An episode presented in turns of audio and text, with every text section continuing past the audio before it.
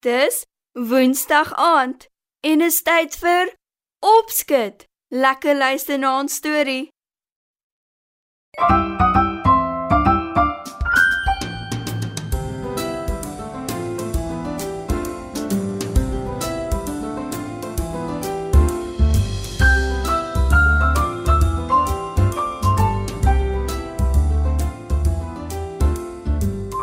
Goeienaand maats.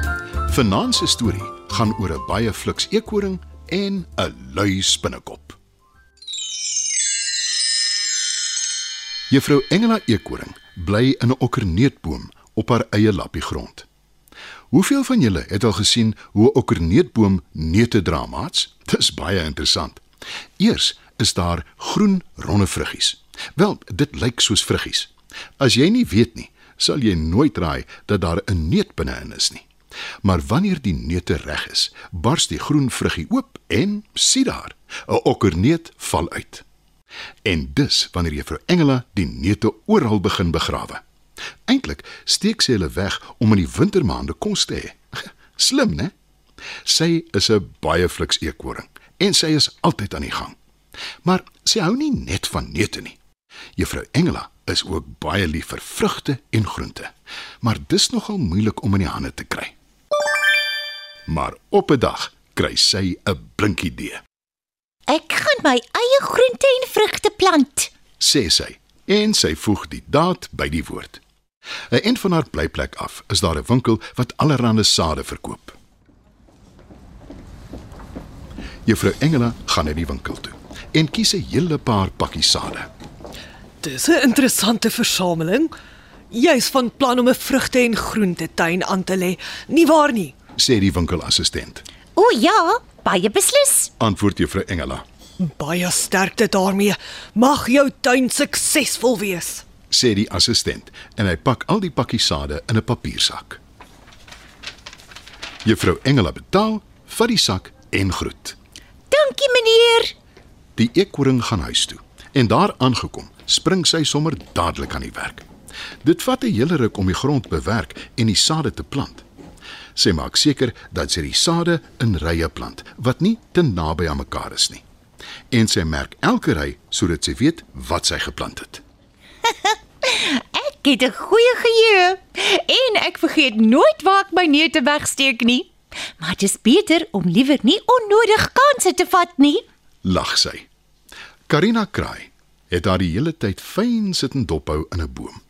Die eekoring het die hele dag gewerk en die son is al besig om te sak. Watter flikse dier is die eekoring tog nie? sê Karina met bewondering. Toe gee sy 'n stout laggie en sê: Nie soos ons kraaie nie. Ons is baie slim, dit weet almal. Maar ons kan ook onnutsig wees en ander se kos gaps. Toe juffrou Engela die kraai hoor, kyk sy rond. Sy sien haar in 'n boom sit,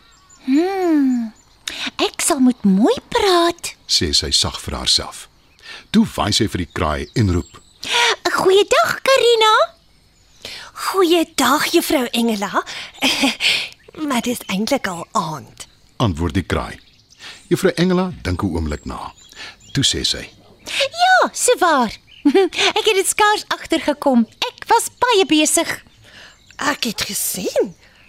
Jy het jou hele tuin vol groente en vrugtesade geplant. Dis baie fliks van jou. Nou moet jy net wag dat alles opkom, né? Antwoord die kraai. Ja. Opkom en groei totdat alles ryp is en reg om geoes te word. Antwoord juffrou Engela. Toe praat sy mooi met die kraai.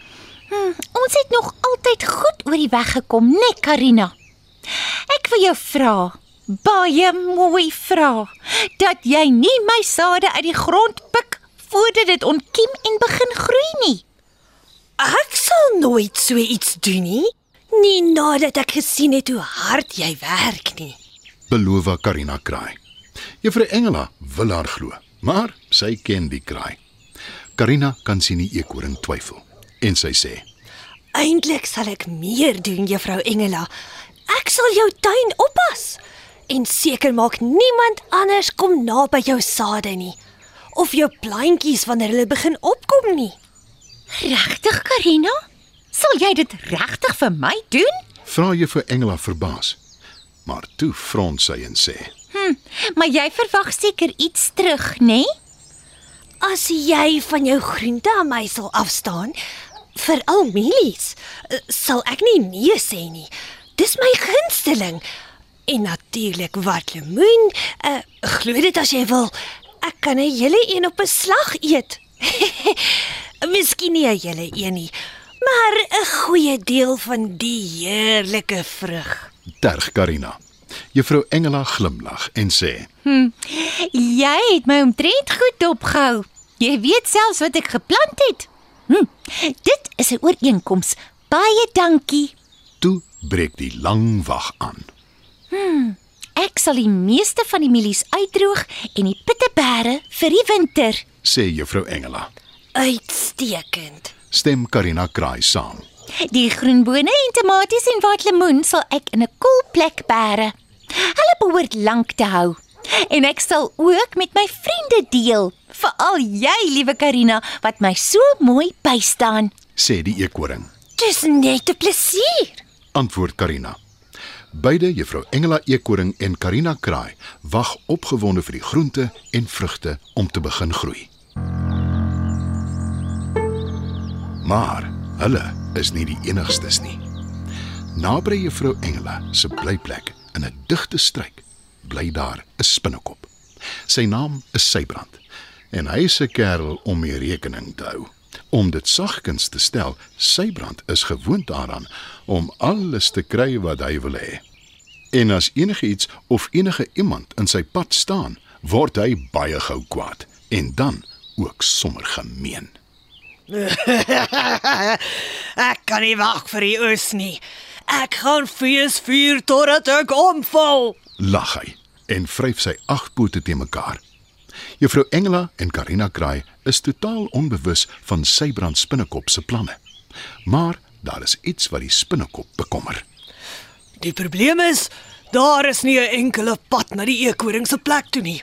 Omdat sy so ratse spring, sy maar altyd van boom tot boom. Maar ek en my vriende gaan 'n pad nodig hê wanneer ons ons oes kom haal. sê hy. En toe spring hy aan die werk saam met sy insekvriende. Sprinkane, kewers, mure, krikke, almal help om die pad te bou. En toe dit klaar is en die oes is gereed, begin hulle strooptog.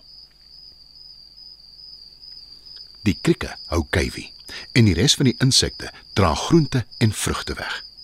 Karina en juffrou Engela slaap vas en is salig onbewus van wat die diewe aanvang. Maar die volgende oggend wag daar 'n groot skok op hulle. Oh, my tuin.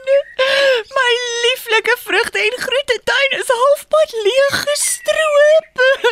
roep juffrou Engela geskok. Karina kraai is ewe ontsteld, maar sy troos. Ek sal die diewe vang, juffrou Engela, en ek beloof jou, hulle sal les op sê. Verseker die kraai die hartseer eekoring. Toe spring sy aan die werk. Sy vlieg en bespied die gebied. En sommer gou sien sy die helfte van juffrou Engela se oes in 'n groot hoop langs die spinnekop se pad gepak. So dis hoekom hy die pad gebou het. Alles maak nou skielik sin. sê Karina. Sy gee 'n harde skree en gaan sit op die hoop. Die kraai sprei haar vlerke wyd oop en toe die spinnekop naderkom, raas sy. Maak dat jy wegkom jou nare dief. Jy is die dief. Jy sit op my groente en vrugte. sê Sybrand uitdagend. As jy iets pluk, beteken dit nie dis joune nie. Juffrou Engela het alles gesaai. Dit nat gelei en ek het dit opgepas. Maak dat jy wegkom voordat ek jou heel insluk. sê die kraai. En Sybrand spinnekop moet noodgedwonge vinnig die hasepad kies. Hy het nog kans gesien vir die eekoring, maar Karina Kraai is heeltemal 'n ander storie. Dit was nog 'n opskit storie.